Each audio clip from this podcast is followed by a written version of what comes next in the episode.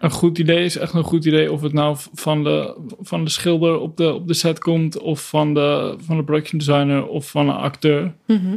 of van je regieassistent. Het maakt niet uit. Zeg maar als, als het kan bijdragen aan wat jij wil maken, dan is dat alleen maar mooi meegenomen. Ja. Ready to have some fun?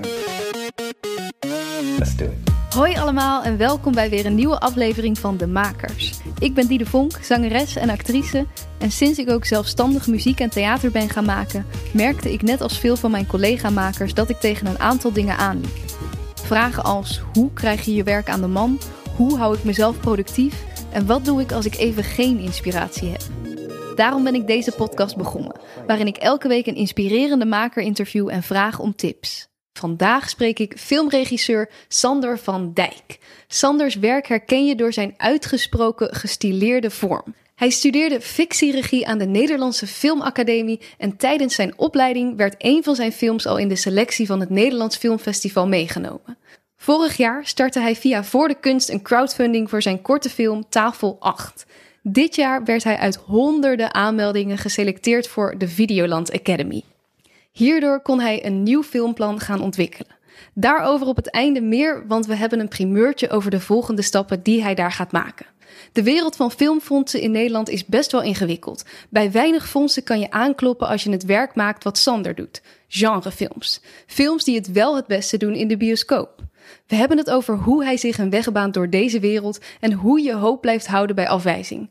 Ook vertelt Sander openhartig zijn bijzondere verhaal, waardoor hij heel anders in het leven staat dan de meeste makers van zijn leeftijd. Heel veel luisterplezier. Sander, heel erg leuk dat je er bent. Leuk om hier te zijn. Fijn. Ehm, ik was wel benieuwd, wat doe jij om hoop en inspiratie te houden als het even wat minder gaat? Poeh. Ehm, dan relativeer ik meestal. En dan denk ik, eh, ik heb hier heel veel middelen die, ik, eh, die andere mensen niet hebben. Ik heb een goede opleiding gehad en ik, eh, we wonen in een westers land, goed, een goed land. Dus dan haal ik daar meestal mijn motivatie uit om er toch nog eh, wat van te maken, om maar zo te zeggen. Ja, dus het, dus het relativeren van we hebben het hier eigenlijk hartstikke goed. En in het, de grote, de grand scheme of things zijn mijn problemen niet zo groot. Ja, dat, eh, daar komt het wel op neer, ja. En helpt dat? Eh, ja, dat helpt, wel, dat helpt zeker wel. Ja. Dat helpt wel met mijn drive om door te gaan. Zeker, ja. Want had jij van jongs af aan al een, een drive en een passie voor film? Ja, dat is eigenlijk heel vroeg eh, begonnen bij mij. Ehm, ik wilde vroeger altijd acteur worden. Op de basisschool. Ik keek gewoon heel veel films. Dat is een beetje met een paplepel erin gegoten. Ja, waren je ouders ook eh, filmfan? Of? Nou ja, mijn vader vooral. En die heeft het weer aan mijn broer overgegeven. Die is vier jaar ouder dan ik. Dus het was altijd gewoon een ding om daar met z'n drie films te gaan kijken. Of met z'n vieren soms. En eh, ja, dat, dus dat is wel echt al vanaf heel jongs af aan begonnen. En mijn hoofd werd op een gegeven moment een soort encyclopedie. Een soort naslagwerk met films en acteurs en wie het geregisseerd had, et cetera. En ehm, toen ik me realiseerde dat er iemand anders was die aan de touwtjes trok, zeg maar, als het ware achter de schermen. Toen dacht ik, ja, ik wil eigenlijk veel liever die persoon zijn die ook de acteurs aanstuurt en die, het, die de emoties eh, eh, bij de kijker eigenlijk teweeg brengt. Ah, Want ja. ik dacht vroeger altijd dat de acteur dat was die, die ervoor zorgde dat ik me ontroerd voelde. Of dat ik me blij voelde of dat ik moest lachen. Maar dat was natuurlijk de scenarist en de, de regisseur en de producent en de componist zelfs en de cameraman. Dus toen ik erachter kwam dat dat ook een functie was die ik kon vervullen binnen de film, toen, eh, toen werd dat eigenlijk mijn, mijn grootste wens. Ja, en dus eh, ja, regie, dan, want je zegt het- iedereen, je doet het samen, dus eh, iedereen eh, ja, doet mee in dat jij je ontroerd voelt als kijker. Waarom dan regie? Omdat dat ehm, degene is waar, waar alles uiteindelijk bij samenkomt. Ik vind film, film is zo'n magisch medium, waarbij je van een idee wat je ooit hebt, kan je een soort van ja, echt een bezand kunstwerk maken. En niet alleen met verschillende mensen, maar ook met verschillende departementen en verschillende eh, media. Dus je kan, eh, het is eigenlijk het enige medium waar, waar geluid, eh, tekst, verhaal, beeld, muziek, waar alles samenkomt. En een unieke ervaring eigenlijk kan teweegbrengen bij degene die, die het kijkt. Ja, En dat, is, dat vind ik zoiets moois. Dat ook iedereen die de film kijkt een andere beleving heeft. Net als dat je een boek leest, maar dan nog, nog een zintuigelijke ervaring. Ja, dus eigenlijk heeft de regisseur het in handen, maar je hebt ook weer ergens dus niet in handen hoe de kijker het ervaart. Ja, nee, dat heb je nooit helemaal in de handen. Je kan alleen maar proberen te sturen en je kan het alleen maar proberen te doen. Hoe, hoe ik dat mezelf doe, is ik maak dingen zoals ik ze zelf zou willen hebben ervaren als iemand anders die film had gemaakt. Wacht, die moet je nog een keer zeggen. Als, als ik aan een film werk, dan, dan het enige wat ik kan doen is de film maken zoals ik hem zelf graag zou willen zien. Met natuurlijk enig, ehm, enig ehm, begrip voor de, voor de algemene kijker. Mhm. Want het moet wel natuurlijk een richting hebben. Ik kan niet alleen maar navelstaarderige film gaan zitten maken. Maar ik blijf wel altijd heel dicht bij mezelf. En ik zorg wel dat het een film wordt die ik zelf ook graag zou willen zien. Ja, precies. En eh, je bent eh, toen AV-productie gaan doen als eerste. Ja, Ehm, je hebt toen stage gelopen bij Kemna. ja. Waarom eh, de keuze voor een castingbureau? Was dat toeval? Of... Eh, dat was geen toeval. Dat kwam eh, eigenlijk. Ik moet nu een, even een heel eh, diep zijspoor in. Eh, maar we hebben de tijd gelukkig. we zien waar we uitkomen. Ehm, ik heb ehm, in 2009 een hartstilstand gehad. ja, dat hoorde ik ergens. ja. Na, eh, of eigenlijk tijdens de opleiding AV-productie. Mhm. En nou, toen kon ik helemaal niks meer. Toen lag ik gewoon. Ik lag 15 dagen in coma en het zag er niet goed uit. En de artsen die wilden de stekker eruit trekken, et cetera. Jemig. Eh, en, maar maar je, hoe oud was je toen? Eh, Toen was ik 22 geworden net. hoe, hoe kan dat? Hoe- Ja, dat weten ze nog steeds niet. Nee? Nee. Ah, wat Het is nog steeds een mysterie. Ik word eh, af en toe nog gebeld eh, door, eh, door de genetische afdeling van het AMC om of ze mijn, eh, mijn DNA mogen checken op eh, genetische ehm hout, houtaandoeningen. Mhm. Die dan weer zo, nu eh, bekend zijn geworden, die er toen nog niet waren. Ah ja, En precies. dan halen ze mijn DNA weer uit de koelkast en dan gaan ze het weer testen op allemaal nieuwe uitgevonden eh, ziektes. Mhm. Maar ze weten nog steeds niet wat er aan de hand is. Nee. Wow, wat heftig ook. Dus ja. Ja. Dus dat heeft me ook wel ehm, doen beseffen dat, dat het leven zo willekeurig is en dat we het maar goed hebben hier met z'n allen. Mhm. Ja, dat, eh, dat lijkt me inderdaad een Ja. goede wake-up call. Je hebt 15 dagen in coma gelegen. Ja, ja. En daar ben je uitgekomen zonder enige letsel, schade? Nee, nee, zeker niet. Nee, nee, nee. Ik, eh, ik heb echt heel lang moeten revalideren. Ik revalideer nog steeds eigenlijk. Oké. Eh, ik denk dat dat nooit helemaal meer overgaat. Ik heb ehm, lichte ehm, motorische schade aan mijn linkerhand. Mhm. Ik heb een evenwichtstoornis. Ik heb blinde vlekken in mijn gezichtsveld. Dus ik ben er niet ongeschonden uitgekomen, maar relatief, zoals je ziet, ik zit er nog wel goed bij. Ja, Dus, eh, zeker. dus eh, ik, eh, ik mag niet klagen. Mhm. Maar om terug te komen op je vraag, hoe ik bij Kemna Casting terecht kwam. Ik, ik liep toen, dat gebeurde, liep ik stage bij Hans Steeuwen. Toen, Ik maakte filmpjes voor zijn, voor zijn online platform, Mhm. voor zijn online videokanaal. En de manager van Hans Steeuwen, die, Alexandra, die had mij toen doorverwezen naar Kemna Casting, omdat ik een soort van low profile, ehm, nou eigenlijk een stage zocht die niet echt heel belastend was. Want ik kon toen nog niet zoveel. Ik kwam toen net uit het revalidatiecentrum en ik, eh, ik, ik had anderhalf maand in het ziekenhuis gelegen en ik moest nog een maand revalideren daarna intern op de overtoom. En dat je überhaupt dan denkt aan, oh, ik moet nog stage lopen. En Ja, dat, nou, ik, ik zat in mijn laatste jaar en dat laatste jaar heb ik toen over moeten doen. En ehm, in het revalidatiecentrum heb ik wel echt een moment gehad, want ik moest dus helemaal vanaf nul beginnen. Ik, ik kon niks meer, ik kon niet meer lopen. Ik, ik moest, omdat mijn spieren zo lang inactief waren geweest en omdat ik hersenletsel had, ik moest alles gewoon weer eigenlijk opnieuw leren en helemaal, mezelf helemaal opbouwen vanaf de grond. Dus ik was helemaal niet bezig met mijn toekomst. Ik was alleen maar gewoon bezig met in dat moment om beter te worden. En ik, ik mocht blij zijn als ik überhaupt die ziekenhuiskamer nog uitkwam, bij wijze van spreken. ja, ben je daar ook wel bang voor geworden, bang voor geweest dat het niet meer zou worden zoals het was? Of- Nee, ik had daar eigenlijk wel. ik- gek genoeg ben je daar niet mee bezig. Ik, ik was me eigenlijk gewoon vooral. ehm, ik was echt aan het overleven. Hm. En in het moment aan het zijn, als het ware. En ik was helemaal niet bezig met wat moet ik hierna doen of, eh, of wat gaat er nu gebeuren. Tot, eh, tot ik dus in het revalidatiecentrum op een kamer kwam te liggen met, eh, met een oud-Nederlandse schrijver, eh, Frans Pointel. En eh, hij is inmiddels overleden. Maar die heeft me wel echt tot inzicht, of tot inkeer doen komen. Want ik lag toen dus met hem op de kamer en we waren gescheiden door een soort gordijntje. En s'nachts hoorde, ik hem- hoorde ik hem opeens huilen. En toen vroeg ik aan hem van, meneer Pointel, wat is, er, wat is er aan de hand? Toen zei hij, ik zou echt alles over hebben om nog één keer over de grachten te lopen en een antiquariaat binnen te gaan en een, boek, en een, en een boekje te kopen. En dat zou, is echt mijn grootste droom, want hij, hij kon gewoon niet meer. Hij, hij, zijn benen die waren kapot en dat was een aflopende zaak. En toen dacht ik, ik zal het nooit vergeten, toen dacht ik echt, dit, dit gaat mij niet gebeuren. Ik ga nu echt alles eruit halen wat er nog in zit. Wauw, Dus dat was wel echt een, eh, een turning point eh, die nacht. super krachtig moment. Ja, Toen zat jij dus ook nog in je revalidatieperiode. Ja. En toen, toen dacht je, oké, ik, ik moet er alles aan doen om Ja. hieruit te ik komen. zal het nooit vergeten. Dat was echt het moment waarbij ik dacht van, oh ja, ik heb ook nog een heel leven voor me.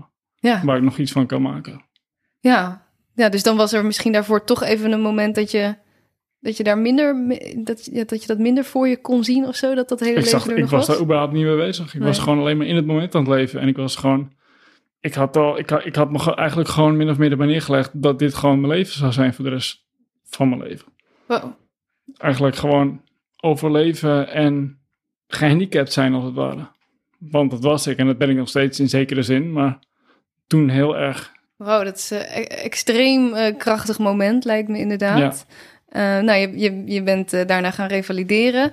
Ehm, ja, gekke overgang, maar inderdaad, toen kwam je bij, bij Kemla dan Ja, terecht. Toen kwam ik bij Kemna terecht. Ehm, via Alexandra dus, de manager van Hans Steeuwen. En daar heb ik een geweldige tijd gehad. En dat was heel erg... ehm, ik heb daar heel veel geleerd over, over spelregie. Veel mensen leren kennen. En eh, eh, ik, ze gaven me ook de ruimte om, om mezelf weer een beetje op de rit te krijgen. eh, fysiek, maar ook mentaal. En dat, was, dat was heel fijn. Ja, en je hebt natuurlijk gelijk een enorm netwerk van acteurs, van... eh, Nou, je, liet ze niet persoonlijk kennen, want ik, ik filmde de, de, de audities, dus ik had niet een hele, een hele eh, soort van invloedrijke functie. Ik was geen casting director of wat dan ook, maar ik, ik, eh, ik, de- ik was een beetje de, de technische go-to persoon daar. mhm. Ja, Daarna ging je naar de Nederlandse Filmacademie. ja. Eh, iets wat heel veel mensen willen natuurlijk en wat niet heel veel mensen lukt.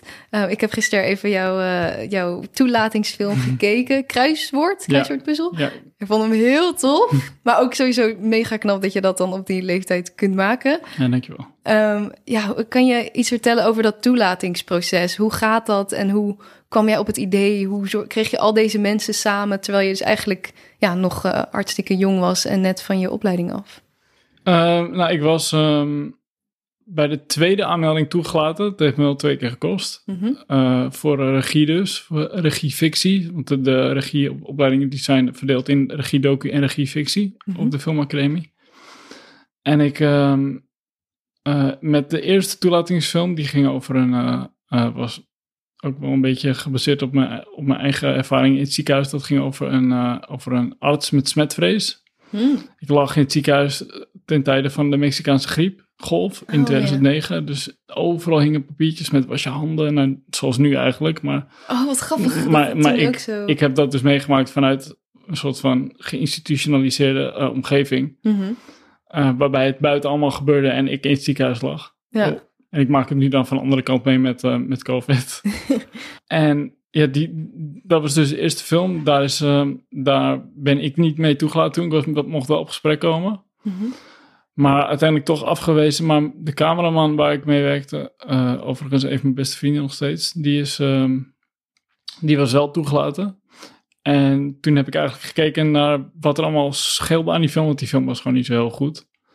Eh, want het was ook mijn eerste poging echt om een film te maken. Ik had hem ook zelf geschreven, dus ja, dan loop je gewoon tegen dingen aan natuurlijk. Wat voor dingen liep je tegenaan? Nou, ritme in de film en scèneovergangen en waarom dingen niet werken. Want je- zeg maar, films kijken en films kennen is één ding, maar om ze dan zelf te maken is echt een hele andere balgame natuurlijk. Dus, eh, dus je loopt gewoon he- tegen heel veel, eh, tegen heel veel beginners mistakes aan. Mhm. Dus ik heb, ik heb die film tot in een treurig geanalyseerd en gekeken. En ik heb eigenlijk alles wat daar fout in ging, heb ik vermeden in, in Kruiswoord, in, het, in, het, in mijn toelatingsfilm. En, eh, en toen werd ik uitgenodigd op gesprek en toen, ja, toen werd ik wel toegelaten. En hoe ik die mensen bij elkaar heb gekregen is via Jeroen, via de cameraman.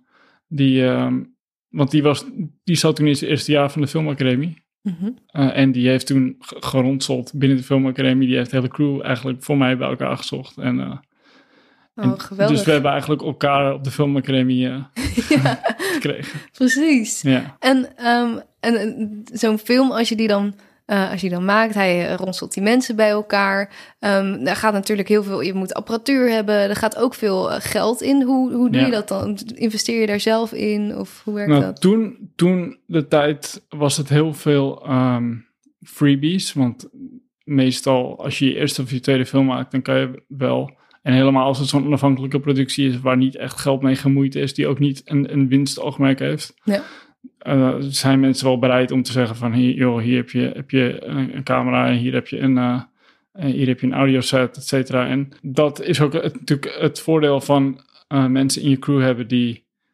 connecties hebben bij dat soort uitge uitgiften en facilitaire bedrijven die dan camera's kunnen regelen, die, die audioapparatuur kunnen regelen, et cetera. Maar ik moet zeggen, vandaag de dag is het natuurlijk een stuk makkelijker om een film te maken. Want je kan al met een iPhone een film maken. En dat was toen nog niet zo. Nee. Dus toen kwamen net soort van de, de smartphones uh, uh, op de markt. Mm Dus het is nu echt geen issue meer om, uh, om echt een film te kunnen maken als je dat wil. Je kan voor, voor 1 euro in principe een film maken. Want je kan hem, je kan hem draaien op je, op je telefoon. Je kan hem monteren op je telefoon. Je kan hem exporteren. Dus dus dat, eh, ja, dus dat kan. Ja, is dat dan net zo goede kwaliteit? Kan dat op zich? Nou ja, ja in principe is uh, duurder niet altijd beter natuurlijk. Mhm. Je, moet, je, je moet dan ook iets bedenken wat wel in de vorm past misschien. Ja. Um, maar er zijn genoeg. Uh, ik bedoel, denk in beperkingen is ook wel weer een luxe af en toe. Omdat je dan. Je wordt er heel creatief van. Van beperkingen. Ja. Want als je iets niet op een als je niet een high-speed car chase kan draaien omdat je maar 100 euro hebt voor een film, ja, dan moet je, moet je het op een andere manier eh, bedenken hoe je dat in je verhaal kan verwerken. Mhm. En dan moet je gaan bedenken, heb ik die high-speed car chase überhaupt wel nodig of kan ik het op een andere manier vertellen? Ja, ja precies. Ja. Dus dat maakt je inderdaad heel creatief. En we hadden het net nog even over die fouten die je maakte bij je eerste film. Wat zijn dingen die je uh, niet meer fout hebt gedaan bij je tweede film? Wat, wat zijn uh, lessen die je meegenomen hebt? Nou, het, het, waren vooral technische fouten. Ik, ik had um, bijvoorbeeld het ritme van mijn film onderschat. Um, ik had, um, zeg maar, want die eerste film die, die speelde zich af over een langere periode. Mm -hmm. dat, waarin je dus de arts met smetvrees echt zag aftakelen, et cetera. totdat hij uiteindelijk uit zijn functie werd gezet.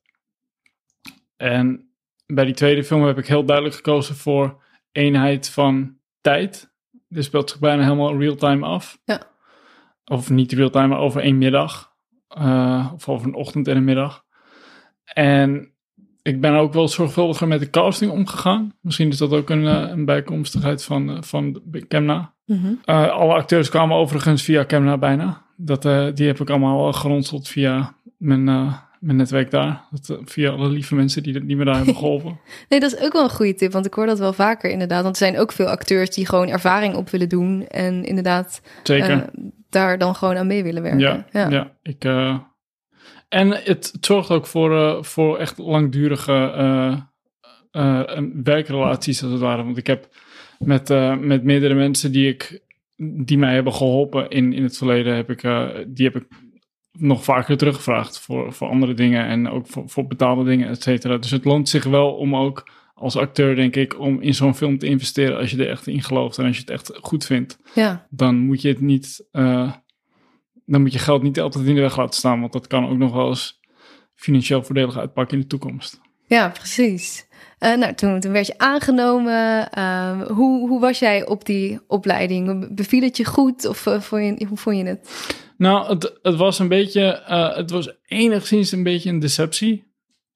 omdat ik natuurlijk al vanaf mijn achtste had opgekeken naar de filmacademie. En dat was echt het walhalla voor mij. Dat was het enige waar ik ooit naartoe wilde. En mm -hmm. ik denk overigens um, dat ik als, het, als ik niet ziek was geworden, misschien helemaal niet op de filmacademie terecht was gekomen. Omdat ik misschien, want ik deed dus een opleiding AV-productie richting camera. Mm -hmm. Die ik uiteindelijk heb afgemaakt in montage, omdat dat na mijn revalidatie of tijdens mijn revalidatie gewoon minder zwaar belastend was, Ja. fysiek. En ik, ik, ik durf niet met 100% zekerheid te zeggen dat ik ook de drive en de wilskracht had gekregen om echt voor de filmacademie te gaan als ik niet ziek was geworden. Als ik niet die nacht had gehad in, in het revalidatiecentrum, waarbij ik dacht van ik ga nu echt alles eruit halen en ik ga gewoon, ik ga er gewoon voor. Ik ga gewoon eh, alles inzetten op, ehm, op rood of op zwart, Ja.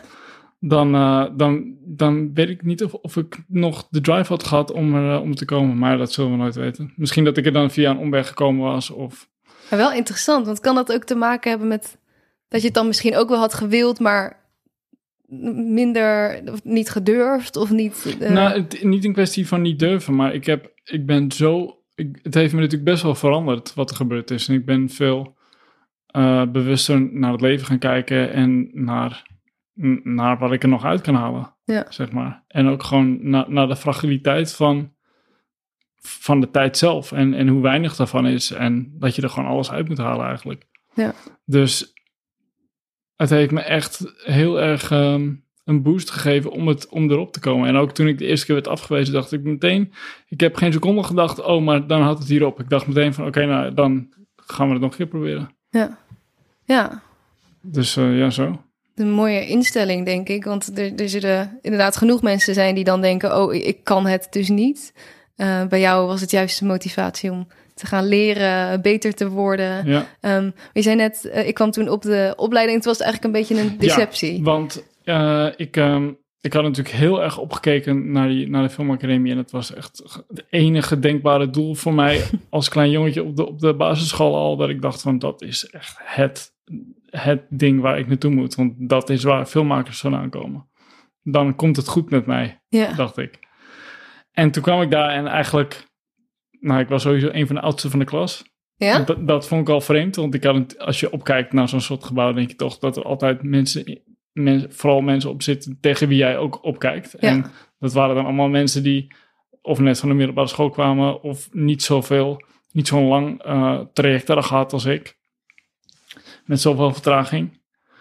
Ja, ik merkte eigenlijk dat ik, dat ik eigenlijk wel een van de mensen was die het meeste wist van film, filmgeschiedenis, et cetera. En wat niks, niks afdoet aan aan, aan je, je kunnen als filmmaker. Want er zijn genoeg filmmakers die dat juist als voordeel in kunnen zetten. Dat ze onbevangen zijn en niet zoveel weten. En Ja. dat is af en toe ook gewoon een last natuurlijk. Dat je altijd maar wil, nou niet concurreren, maar dat je altijd maar wil meten met de grote Ja. makers die jij als voorbeeld hebt. Kan ook verlammen, inderdaad. Ja. Ja, en dat, daar heb ik al af en toe wel last van. Moet ik heel eerlijk zeggen. Ehm, maar verder, ja, de filmacademie, het was, het was natuurlijk geweldig. En ik, ik heb daar vier hele mooie jaren gehad. En ik heb heel veel eh, mooie mensen leren kennen en mooie dingen mogen maken. Dus ik, eh, nee, ik ben daar absoluut heel blij mee. En je zei net, eh, nou, dat verlammen heb ik soms ook wel. Even op wat voor momenten is dat? Dat je opeens denkt, oh, eh, ik moet ja, me meten aan zulke grootte. Ja, daar heb ik wel af en toe last van. Niet heel vaak hoor. En ik kan het ook wel relativeren, zoals ik al zei. Je moet je ook bedenken dat je natuurlijk met, ehm, met mindere budgetten werkt dan een Spielberg of wat dan ook. Zeker. En natuurlijk met minder mogelijkheden, maar goed, die zijn ook ergens begonnen ooit. Dus Hm. dat, dat houdt me dan wel, eh, dat haalt me er dan wel weer uit. Dat ik denk van ja, ik moet gewoon wel eh, beginnen bij wat nu realistisch voor mij is. En me dan gaandeweg omhoog werken. Ja, en zijn er dat bepaalde momenten in het proces van zo'n film maken dat dan opeens een soort onzekerheid op kan komen?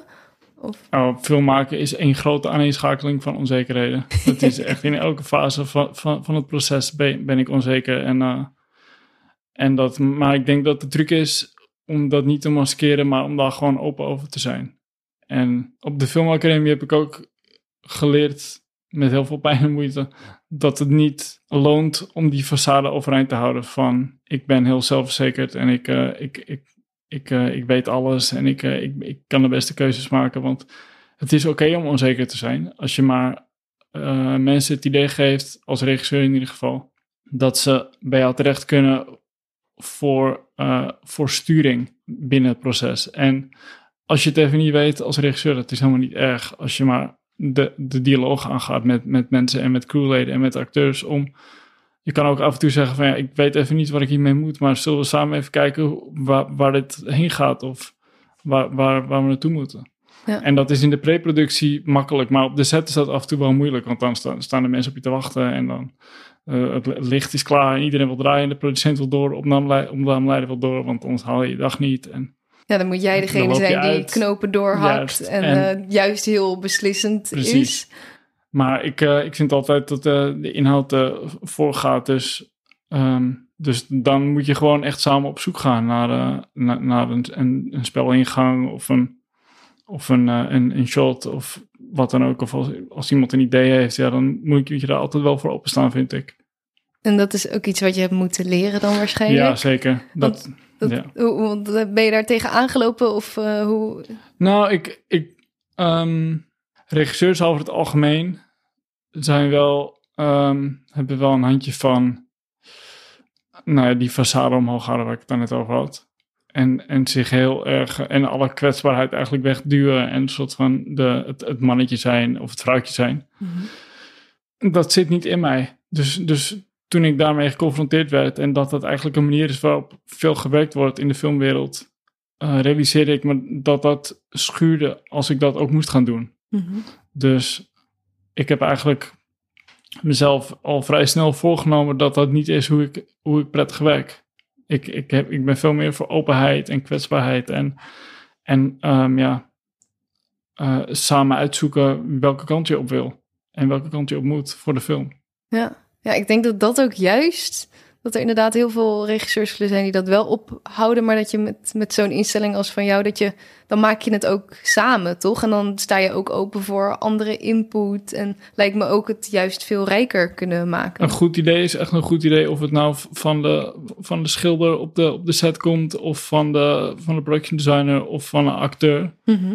of van je regieassistent. Het maakt niet uit, zeg maar. Als, als het kan bijdragen aan wat jij wil maken, dan is dat alleen maar mooi meegenomen. Ja.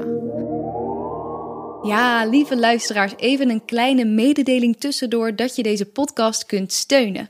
Als je naar www.petje.af slash de Makerspodcast gaat, zie je dat je makers maatje, makers best friend of best friend forever kunt worden. Als maatje ontvang je extra inspiratievideo's van mijn gasten. In deze video's vertellen ze over hun grote inspiratiebronnen, het beste advies dat ze ooit kregen en het allerslechtste advies. Als best friend kun je input leveren voor gasten die jij graag wilt horen en kan je jouw vragen via voice memo insturen zodat deze in de podcast te horen zijn en jij je vraag dus aan de aankomende gasten kunt stellen. En als best friend forever mag je me ook nog eens bestoken met vragen over het opzetten van je eigen podcast. En binnenkort gaan er nog veel meer extra's komen. Daarnaast help je ons om deze podcast te kunnen blijven maken. Dus daar zou ik je sowieso ontzettend dankbaar voor zijn. Nu gauw weer terug naar het gesprek.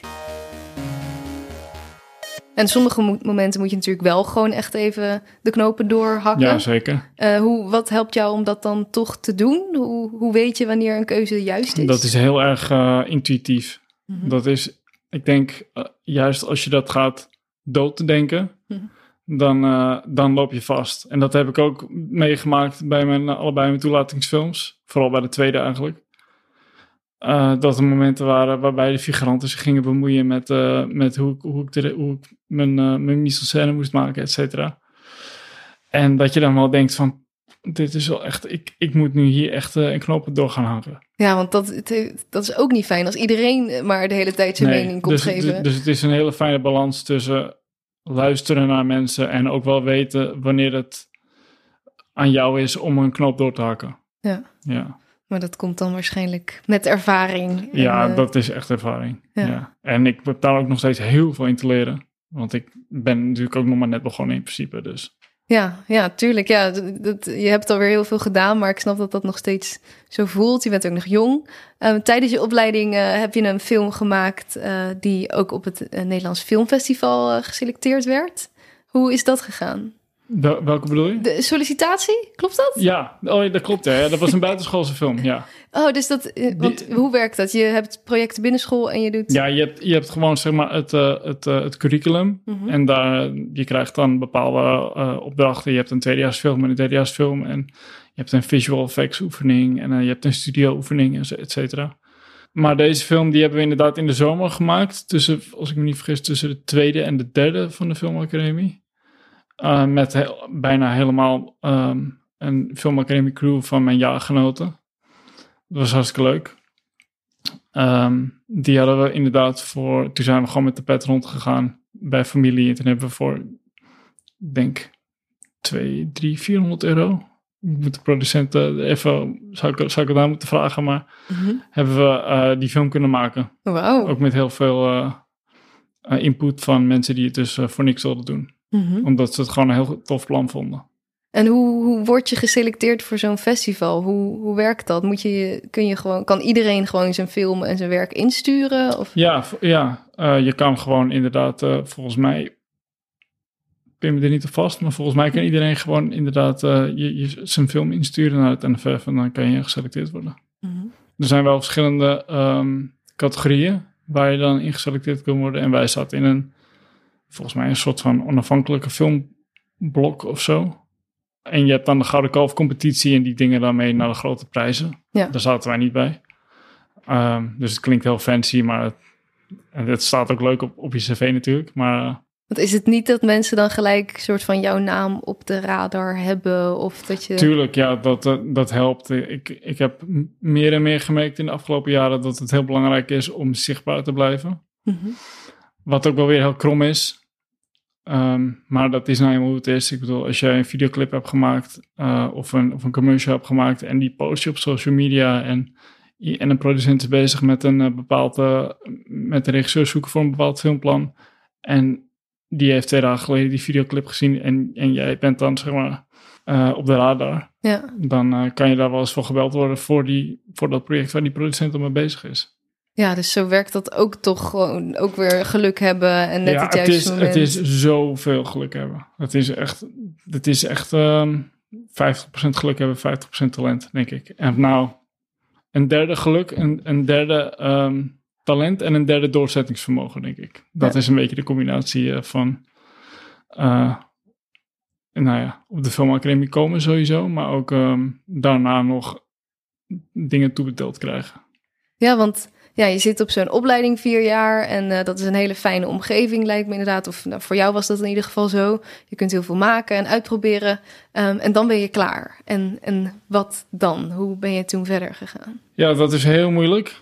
En ik, eh, ik heb ook eh, wel echt behoefte gehad aan wat, of ik, ik zou behoefte gehad hebben aan.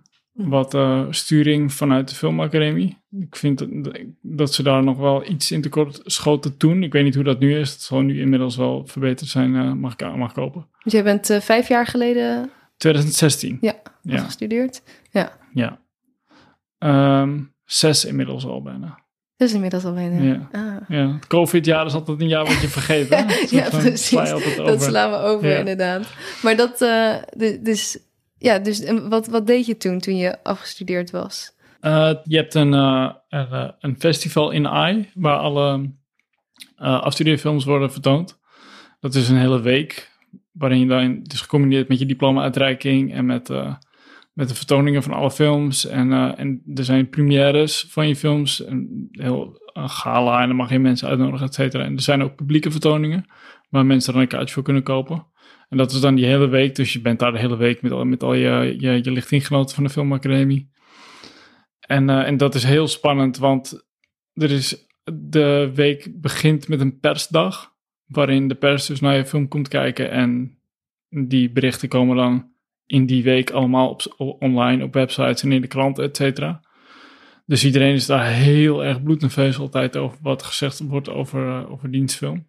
En dat is een hele eh, confronterende ehm, week wel, omdat je dan je film gaat zien vanuit de ogen van andere mensen. Mhm. En over onzekerheid gesproken, dat is wel een week waarin, denk ik, 90% van iedereen op de filmacademie heel erg onzeker is. Hoe komt het? Want je hebt natuurlijk net vier jaar die opleiding gedaan. Daar word je, neem ik aan, ook heel veel eh, eh, teruggegeven aan feedback en kritiek. Ja, zeker, maar het blijft allemaal intern. Mhm. En dit is het eerste moment waarop een film ehm, echt wa- waarop geschreven wordt over een film. En het is ook ergens ook wel een beetje krom dat je afstudeerfilm eh, is natuurlijk de film waar je vier jaar lang naartoe werkt. Want je ziet in alle jaren van de filmacademie zie je dat in de vierde dat mensen allemaal bezig zijn met afstudeerfilms. En dat zijn echt soort van de, de grote jongens van de filmacademie en, en vrouwen. En je hebt gewoon het gevoel dat je de rest van je leven afhangt van Mhm. hoe die film ontvangen wordt. En dat is heel erg eng en kan ook heel verlammend zijn, omdat je op een gegeven moment denkt: van, wat moet ik in vredesnaam gaan maken om, Ja, om een carrière soort van eh, Maar als je vanuit daar gaat maken, dat lijkt me inderdaad heel verlammend en niet per se bijdragen aan de Nee, beste nee, dat klopt. film. Hoe, hoe zorg je dat je dan toch dat los kan laten? Of Ja, is dat onmogelijk? ja, nou precies wat je zegt. Dat loslaten, proberen te laten en, en gewoon maken wat jij graag zelf wil maken. Mhm. En waar je op dat moment mee bezig bent. Ik ben in de, in de derde van de filmacademie heb ik heel doelbewust een hele experimentele kunstzinnige film gemaakt. Om het even uit mijn systeem te krijgen. Ook even wat anders te ja, proberen dat misschien. ook. Want ik ben van huis uit gewoon niet een hele experimentele filmmaker. Maar ik, wil, ik, ik heb wel, als het goed gedaan is, dan, dan hou ik er wel van om naar te kijken. Ik Ja. hou in principe Ja. overal van. Ehm, maar ik hou toch, om te maken hou ik toch vooral zelf van genrefilms, publieksfilms. Eh, met, een, eh, met een beetje rafelig randje, als, om het maar zo te omschrijven. Eh, omdat dat ook de films zijn die ik zelf het liefst zie en ook mee opgegroeid ben. Ja.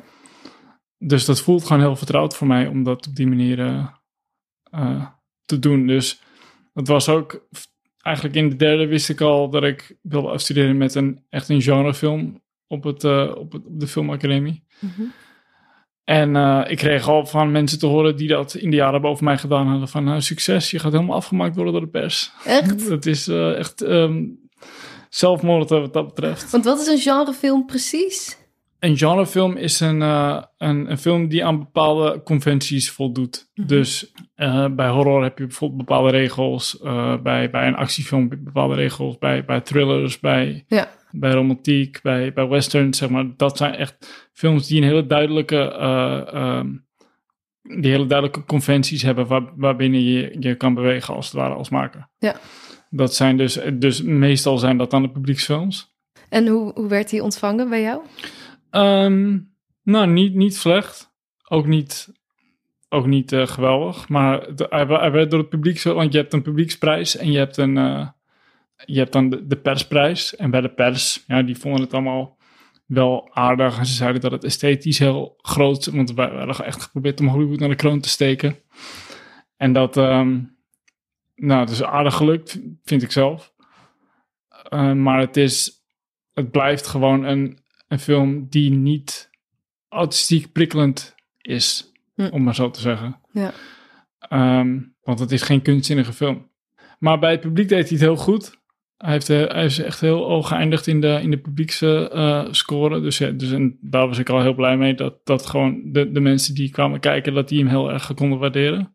Ja, dus dat ging eigenlijk wel goed. Dat ging wel dus goed. dat is dan je einde eh, van zo'n opleiding. ja. En na je opleiding heb je volgens mij ook nog een film mogen hel- helpen regisseren van Filmacademie zelf. Ja, toen werd ik gebeld en toen inderdaad voor de visual effects afdeling van de filmacademie werd ik toen gebeld in 2017 of 16. Ja, dat was in de, in de zomer na mijn afstuderen werd ik gebeld of ik dan eh, voor de lichting onder mij de visual effects film eh, wilde helpen realiseren. Mhm.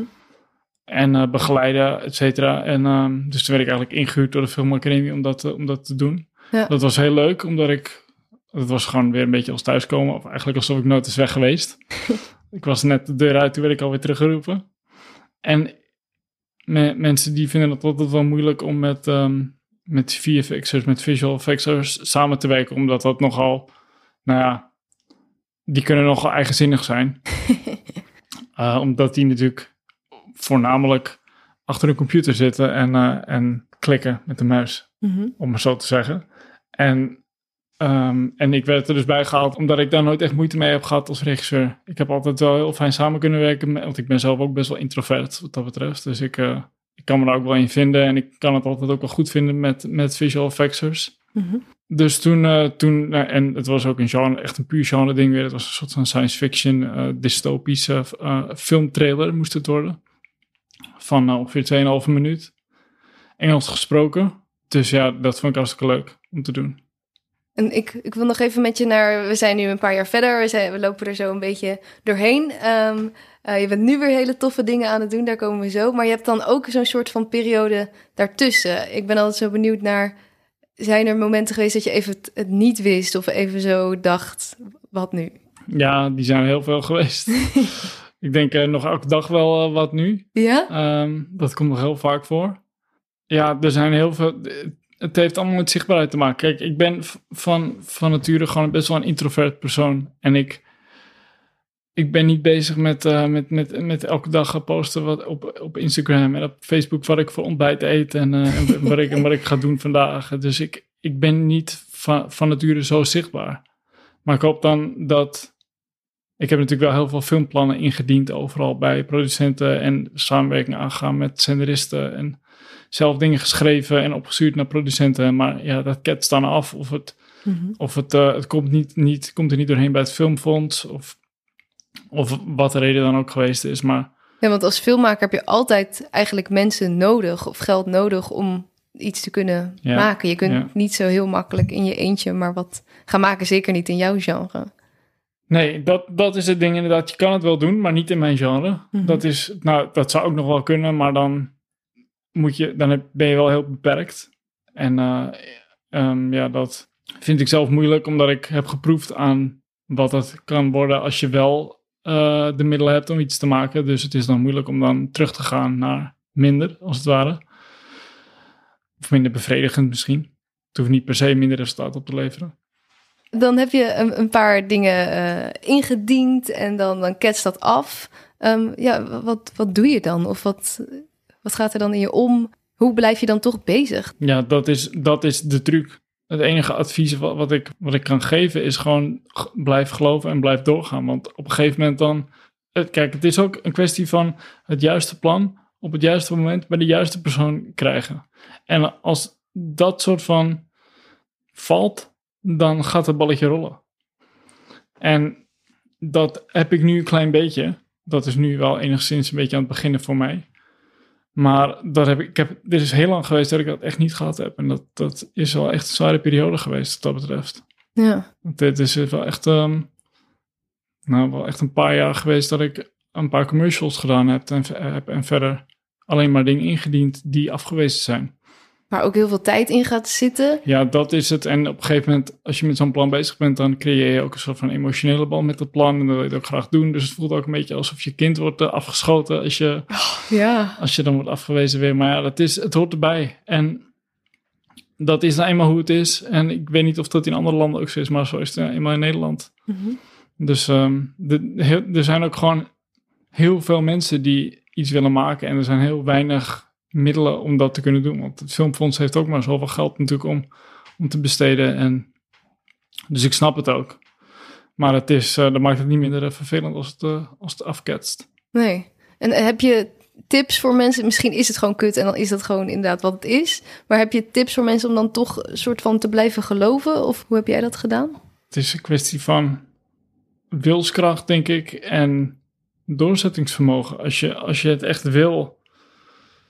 Het, kijk, ik heb ook. Ik, ik kan het nu zo heel mooi zitten vertellen allemaal. Dat, dat je doorzettingsvermogen moet hebben. Maar ik heb genoeg momenten. Ik heb afgelopen maand nog momenten gehad dat je denkt van. Waar, hoe, lang, hoe lang gaat het nog duren vo- voordat er iets soort van eh, echt eh, op mijn pad komt? Iets groots. Mhm. En ja, dat is af en toe wel, wel dus gewoon heel moeilijk. Dat, ik heb, daar is geen eenduidig antwoord op te geven. Dat is gewoon echt heel moeilijk om, om te doen. Mhm. En maar het, het is, als je echt in jezelf gelooft en je, en je blijft gewoon doorzetten, dan, ja, dan moet je maar de hoop hebben dat het een keertje goed komt. En dat, die hoop heb ik nog steeds wel. Ja. Ja, je bent, eh, nee, ik zei net al, je bent nu iets heel tofs aan het doen. Vorig jaar heb je een crowdfunding gedaan bij Ja. eh, voor de kunst. Ook denk ik om dan, eh, nou, gewoon iets te kunnen maken. Ja, waarom was voor jou crowdfunden een, de manier? Omdat ik toch het idee heb dat het filmfonds voornamelijk films eh, stimuleert en financiert die een wat artistiekere inslag hebben. Mhm. En de film die ik gecrowdfund heb is toch wel, wel meer echt een genre ding. En het, ik moet ook eerlijk zeggen, het was ook op een moment dat ik er een beetje zat van was. Dat ik dacht van, ik ben nu zo vaak afgewezen voor dingen. Ik ga nu gewoon zelf eh, eh, kijken hoeveel ik kan komen met geld ophalen. Ja, ja, snap ik. En nou, dat is gelukt. We hebben hem alleen nog steeds niet kunnen draaien, want we, draaien, we, we hebben een restaurant nodig. En eh, we zijn al twee keer, is de boel vertraagd door, door COVID. Oh shit. Dus we stonden echt op het punt te draaien. En we, Mhm. we, we stonden vier dagen van draaien af. En toen werd de stekker eruit getrokken omdat het restaurant niet meer kon meewerken. Ja. Oh, wat balen zeg. Ja. Zijn er dingen die je nou, je hebt in ieder geval dat, dat geld, dat ga je waarschijnlijk gewoon sowieso nog doen. Ja. Um, zijn er dingen die je nog meer gehaald hebt uit die crowdfund? Heeft het je iets gebracht? Ja, het heeft me zeker wat gebracht. Het heeft me ook, um, het heeft ook wel weer, wel weer heel veel hoop gegeven. In de zin van um, dat je je realiseert dat de mensen die, die normaal gesproken misschien onzichtbaar zijn voor jou, om familie of, uh, of vrienden of verre kennissen, dat die dan opeens gewoon uit hoe komen en zeggen van hier heb je geld, ik, want ik steun jou, want ik geloof in jou als maker. Ja. En dat is wel echt, dat was echt een hele fijne bevestiging wel. Ik, dat ik elke dag op mijn telefoon aan het kijken was zo van wow, wie heeft er nu weer uh, een paar honderd euro over gemaakt? Ja. Dat ging echt heel goed. Echt een, dus ook een bevestiging inderdaad dat er mensen zijn die, jou, die ook in je geloven. Dat je het niet meer zo in je eentje die hoop aan het houden bent, maar dat dat uh, nog verder Ja, is. zeker. Ja, dat, uh, dat, uh, dat speelde een hele grote rol, ja. En ook met zo'n crowdfunding moet je natuurlijk volop zichtbaar zijn. hoe was dat voor jou als toch introvert? um, ja, daar moest ik overheen stappen. Want ik wist dat dat de enige manier was om, uh, om, om, het, om het voor elkaar te krijgen. Want ik dacht ook van ja, ik kan wel wachten tot mensen gaan googlen op Sander van Dijk crowdfunding. Maar dan kan ik lang wachten. Ja, dus, precies. Uh, dus, ik, ja, dus ik had geen keuze en ik moest, dat, ik moest me daar eventjes overheen zetten. Ja. En daarna is het ook wel weer stil geworden rond mij op social media. maar uh, ja, dat was een noodzakelijk kwaad, zullen we maar zeggen. Ja. Voor, in mijn ogen dan, want ik ik hou daar inderdaad helemaal niet van. Om, om dan, uh, en ook omdat je natuurlijk. Um, je, je vraagt ook wel wat van mensen. Mm. Het is niet dat je vraagt van hey, stem even op mijn, uh, op mijn boek. Want, want hij, is, uh, hij staat ergens in een, in een om genomineerd te worden voor een prijs of wat dan ook. Het is niet een kwestie van klikken, het is ook echt geld. Ja. Dus het is ook wel echt een. Um, je vraagt ook wel echt, eigenlijk iets echt heel groots van mensen. Ja, zeker. Ja. En, en wat heeft jou geholpen om dat toch te, te doen? Nou, ik wilde gewoon heel graag die film maken. ja, ja. Ja, dus ja, dan, um, dan moet je je er gewoon overheen zetten. Ja, en er zijn denk ik ook gewoon heel veel mensen, wat je zegt, die dat met liefde doen. Die, uh, voor jou voelt dat dan misschien heel zwaar, maar dat, die dat eigenlijk juist jou graag willen steunen. Ja, zeker. Ja, familie natuurlijk sowieso, dat, dat verwacht je natuurlijk altijd wel. Maar, maar er zijn ook mensen geweest, uh, uh, oud-klasgenoten van de filmacademie, die echt wel echt aanzienlijke bedragen hebben, hebben overgemaakt. En Um, die ik al ook gewoon lang niet meer gesproken had. Dat, dat je dan toch denkt van wow, die mensen die geloven wel echt in, uh, in, in wat ik wil doen. Zelfs als ze er niet per se bij betrokken zijn bij het project. Ja. Dat vond ik wel heel mooi om, uh, om te merken, ja. Ja. Ja, gaaf. Kan je iets vertellen over waar je nu mee bezig bent? Uh, ja, nou, ik ben dus met tafel 8 bezig met, met waar ik voor gecrowdfund heb. Mm -hmm. maar dat ligt nog heel eventjes stil omdat ik uh, het afgelopen jaar bezig ben geweest met het schrijven van een Videoland Academy. Waar ik samen met Sarah Offringa, uh, tevens mijn vriendin, uh, voor geselecteerd ben. Ja. Dat ja, je is, bent uit de 160 aanmeldingen of zoiets. Ja, het waren er, het waren er behoorlijk veel, ja. En dat waren er eerst acht. En toen werden het er volgens mij zes. En nu zijn er nog drie over. Wauw. Ja, dus en nu hebben we groen licht gekregen en we gaan, we gaan in productie. Dus dus eindelijk eigenlijk uh, die, die film of uh, een plan waar je aan gewerkt hebt. Ja, dat, uh, ja, ja. en het is, het is niet zo'n grote stap als waar ik op gehoopt had. Want ik, ik regisseer hem niet, maar ik, we hebben een hele fijne regisseur, Ivan Lopez Nunez, die hem gaat regisseren. Mhm. Waar ik zelf heel veel um, um, op artistiek gebied heel veel verbondenheid mee voel. Hij, hij had net als ik heel erg van genrefilms en we zitten op één lijn wat dat betreft. Dus ja, dat, het is echt wat dat betreft een match made in heaven. Ja. Wij zijn er heel blij mee, Sarah en ik, dat hij dat gaat regisseren. En waarom is die keuze gemaakt? Om, uh, om, want wat is jouw rol dan nu in het... Sarah en ik zijn de schrijvers en ik heb, ik heb het idee uh, bedacht. En, um, en, uh, en toen heb ik Sarah erbij gevraagd. Ik wil het eerst indienen voor Filmfonds Shorts. Zo'n zo traject op de, film, op de filmacademie, bij, bij, bij het Filmfonds. Um, dat was hem uiteindelijk niet geworden, omdat het stuk gelopen met, uh, met een producent, waardoor ik hem uiteindelijk niet heb ingediend. Toen heb ik hem ingediend voor Videoland Academy. En nou nu zit ik hier. Dus dat is, uh, dat is heel mooi. En het was natuurlijk wel mijn ambitie om het, uh, om het te regisseren, maar Videoland heeft toch gezegd van ja, je hebt eigenlijk gewoon niet genoeg gedaan nog om zo'n groot project te behelzen. En het was een bittere pil. Maar inmiddels ben ik heel blij dat Ivan het dus nu gaat doen. En die heeft ook begrip voor de situatie. En, uh, en dus ik, de, no hard feelings wat dat betreft. Ik ben er eigenlijk alleen heel blij mee.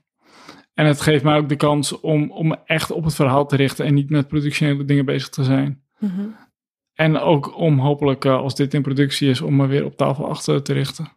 Ja, precies. Oh ja, dat geeft je dan ook weer daar ja. ruimte voor. Ja. Hoe is dat dan om toch jouw, jouw kind een beetje dan ook aan een ander te geven? Dat was heel moeilijk, maar het wordt geleidelijk aan makkelijker, omdat ik zie dat Ivan daar heel erg eh, respectvol mee omgaat. En omdat hij heel enthousiast is over het verhaal en omdat hij eigenlijk precies dezelfde smaak heeft als ik. Uh, als makers liggen wij denk ik heel dicht bij elkaar ook. In wat we maken en hoe we het maken. En waar we van houden. Um, hij, is, hij is ook net als ik echt een, een filmliefhebber en een filmnerd dat betreft. Dus, dus ik, heb het, ik heb heel erg het gevoel dat het wel in goede handen is. Ja. En uh, de producent die, die gaat er ook heel erg goed mee om. En um, dus het is niet alsof ik, um, alsof het echt van me weggerukt is en dat ze zeggen van nou hier is het uh, en hier houdt het op en wij gaan er nu mee verder. Nee. De insteek van, van Videoland Academy is ook om de schrijvers uh, meer naar voren te halen dan waar ze normaal gesproken ja. betrokken worden bij uh, doorgaanse producties. Dus de schrijvers die hebben tot, tot aan de oplevering eigenlijk van een film hebben ze nog invloed. Mm -hmm. In de, in de postproductie, tijdens de productie en we hebben komende week weer een lezing of, of een, een matchmaking met componisten. Bijvoorbeeld, waar wij dan ook iets uh, over, te, over te zeggen hebben. Dus, dus we blijven wel echt betrokken erbij. Dus dat is wel heel fijn. Ja, wat goed. Die rol is soms uh, inderdaad meer naar achter geschoven of krijgt minder. Ja, uh... dat, dat is wel wat er gebeurt. Ja, maar goed, dat moet ook natuurlijk wel enigszins. Want je moet ook gewoon. Een regisseur moet ook de ruimte krijgen om, om zijn visie op het verhaal te kunnen bewerkstelligen. Ja. Dus, en dan wil je niet een schrijver in je nek hebben die telkens mee, meeleest met, met wat jij van het verhaal kan maken. Want een, een scenario is natuurlijk maar een half product. Ja. Waar dan de, of misschien wel een derde van een product. Ja. Uh, waar de regisseur dan weer een hele andere draai aan zou kunnen geven. Maar het liefste wil je natuurlijk, zoals dat nu gebeurt, dat het uh, een soort van samenwerking wordt en met gebundelde krachten. En um, dat de som van de samenwerking een een, uh, een toevoeging wordt op, op het scenario. Precies. Ja, ja en, dat... en dat lijkt nu wel te gaan gebeuren. Ja, fijn. Dus ja. Um, zijn er grote plannen voor de toekomst? Wat zou je zelf het liefste willen zien, over vijf, zien doen over vijf jaar? Wat ik nu doe. Maar dan uh, hopelijk uh, met, wat, uh, met een wat hogere frequentie.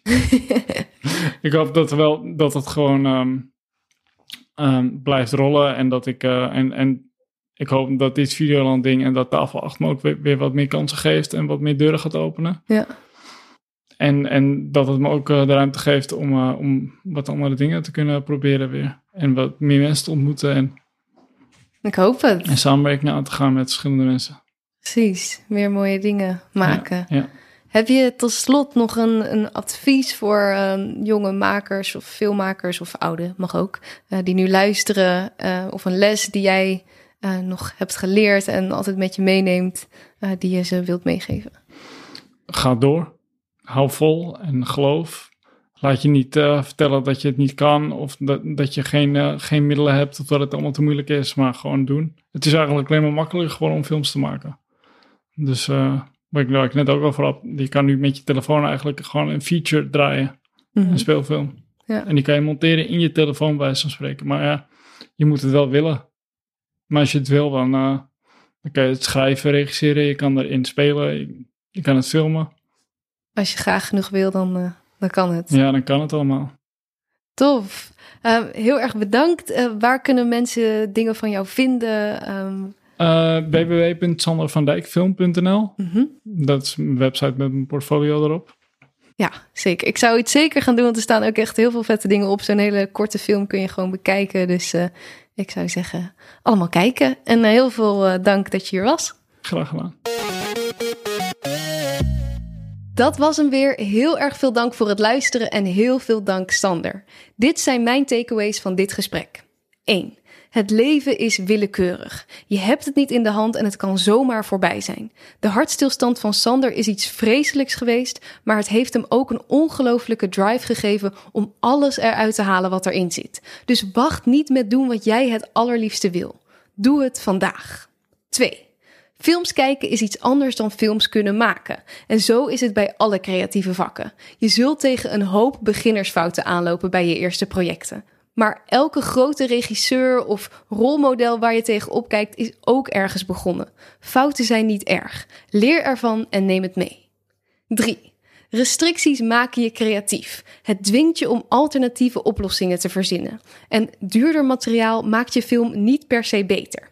Als je echt graag een film wilt maken, kan dat al met je smartphone. 4. Afwijzing kan aan zoveel verschillende dingen liggen. Ga niet bij de pakken neerzitten, maar hou hoop en vertrouwen in wat jij wilt maken. Sander werd afgewezen voor de Filmacademie, maar gebruikte het als les om te analyseren waar hij nog beter in kon worden. Dat is de enige manier waarop je leert. 5. Soms zit er bij bepaalde beroepen een soort beeld waarvan we denken dat die mensen aan moeten voldoen. Maar moet elke regisseur een dominant persoon zijn die altijd alles weet? Of moet elke muzikant een podiumtijger zijn? Natuurlijk niet. Wat zijn dingen die jij jezelf misschien wel hebt aangepraat over je beroep? Helpt dit je of is het tijd om hier uit te breken? 6. Gewoon doorgaan. Laat je niet tegenhouden, stop niet, ga aan het werk, blijf zichtbaar en blijf maken. Dat was hem weer. Heel erg bedankt voor het luisteren. Deze aflevering was weer een samenwerking met Voor de Kunst. Ook hebben we weer, zoals bij elke aflevering, met Sander een korte inspiratievideo opgenomen. Die vind je via www.petje.af slash demakerspodcast. Tot de volgende keer. Vond je dit een leuk gesprek? Abonneer je dan op de podcast en volg de Makerspodcast op Instagram en Facebook. Delen of een recensie achterlaten is super fijn en laat het me vooral weten als er gasten of vragen zijn die je graag terug hoort in de podcast. Volgende keer staat er weer een bijzondere, inspirerende nieuwe aflevering voor je klaar. Deze podcast werd gemaakt door mij, Diede Vonk. De mixage is door Sonja Vos en de muziek is van David Schwartz. Tot volgende keer!